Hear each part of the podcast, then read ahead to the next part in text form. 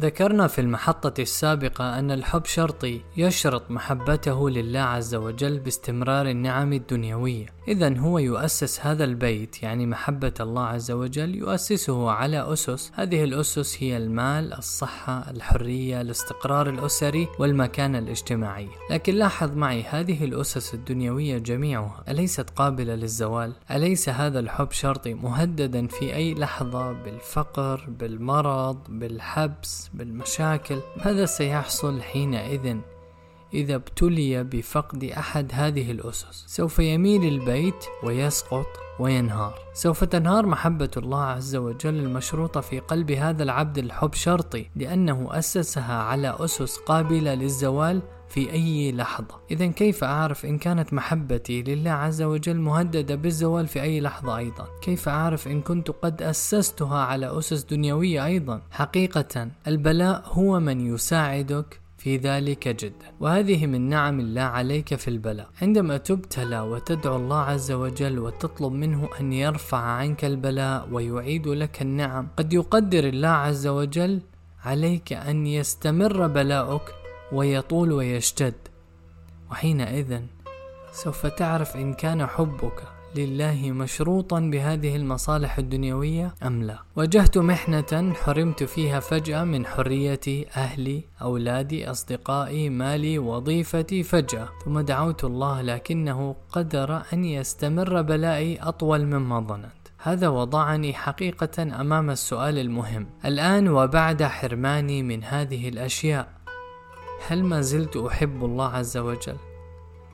هذا السؤال ساعدني في تشخيص مقدار الحب شرطية في نفسي لأعيد بناء محبة الله على الأسس السليمة الصحيحة أسألك بالله هل أنت مستعد أن تشتري بيتا لتسكنه إذا علمت أن هذا البيت مرتكز على أسس واهية قابلة للانهيار والزوال في أي لحظة؟ فما ظنك بمحبة الله التي من أجلها نعيش بل من أجلها خلقنا. فربنا خلقنا لنعبده. فربنا خلقنا لنعبده. والعبادة محبة وتعظيم وطاعة. فهل أنت مستعد أن تغامر بمحبة الله عز وجل وتبنيها على أسس قابلة للزوال في أي لحظة؟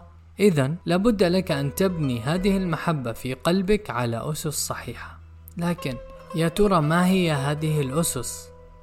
الأسس كثيرة منها اليقين اليقين باستحقاق الله للعبادة لذاته العظيمة والتفكر في أسمائه وصفاته وتأمل آثارها في الواقع.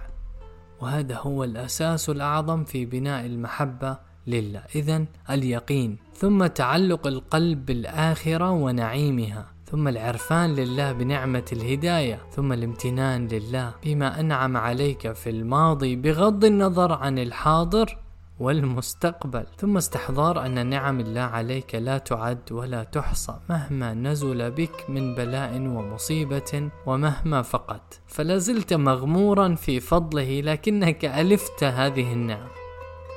أنت ألفت هذه النعم التي أنت فيها الآن حتى لم تعد تحس بها. تأمل محطات رحمة الله بك صرفه للشرور عنك تهيئة أسباب هدايتك ستره عليك إحاطته إياك بأناس يحبونك وكل ما كان منهم من خير فمن الله. تأمل ذلك في محطات حياتك. أنا عن نفسي استعرضتها تباعا في جوف بلاء وتلوت معها صورة.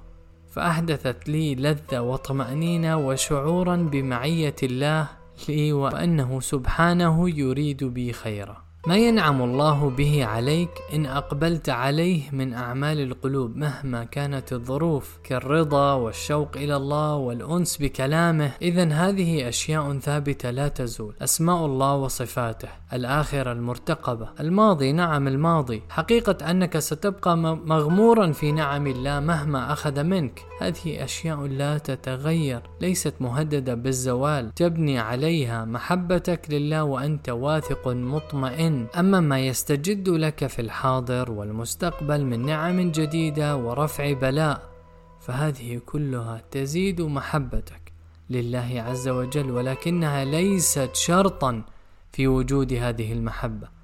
قد يقال لكن الله عز وجل شرع تألف قلوب الناس بإعطائهم شيئا من نعيم الدنيا ومعلوم أن رسول الله صلى الله عليه وسلم كان يعطي قسما كبيرا من الغنائم للمؤلفة قلوبهم. لكفار يريد رسول الله أن يستميلهم للإسلام بل إن مصرفا من مصارف الزكاة هو المؤلفة قلوبهم. صحيح لكن هذا التألف لقلوب الناس بنعيم دنيوي هو مرحلي مؤقت حتى ينهار الحاجز النفسي بين قلب الغافل والإسلام حتى تزال الغشاوة عن بصره ليرى حقيقة الدين فتخالط بشاشة الإيمان قلبه فلا يعود يأبه من ثم أعطي أو منع في الحديث الذي رواه الإمام مسلم عن أنس قال إن كان الرجل ليسلم ما يريد إلى الدنيا فما يسلم حتى يكون الإسلام أحب إليه من الدنيا وما عليها. إن كان الرجل ليسلم ما يريد إلا الدنيا.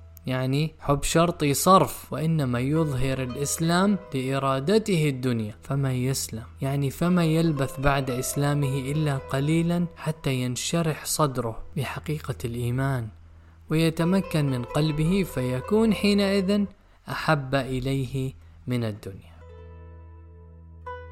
إن استقرار هذا المفهوم في نفوسنا وهو محبة الله الغير مشروطة يمنحنا فهما أعمق لكثير من حقائق ديننا. فمثلا عندما نقرأ قول النبي صلى الله عليه وسلم أحب الأعمال إلى الله أدومها وإن قل قد يكون من أسباب ذلك أن الطاعة الكثيرة المتقطعة كثيرا ما تكون مدافعة لبلاء حل أو ابتهاجا مؤقتا بنعمة جديدة خاصة إذا تبعها فتور شديد في الطاعة. أما العمل المستمر من الطاعات فعادة ما يكون نابعا من حب مستقر في القلب لا يتأثر بالحوادث السارة أو الحزينة. إذا أخي وأختي إذا وجدت في نفسك هذا الداء الخطير طية محبة الله فعليك أن تعترف به وتسعى لعلاجه فهو أخطر من أي مصيبة دنيوية. لأنه مصيبة في الدين وخلل فيما نعيش من أجله.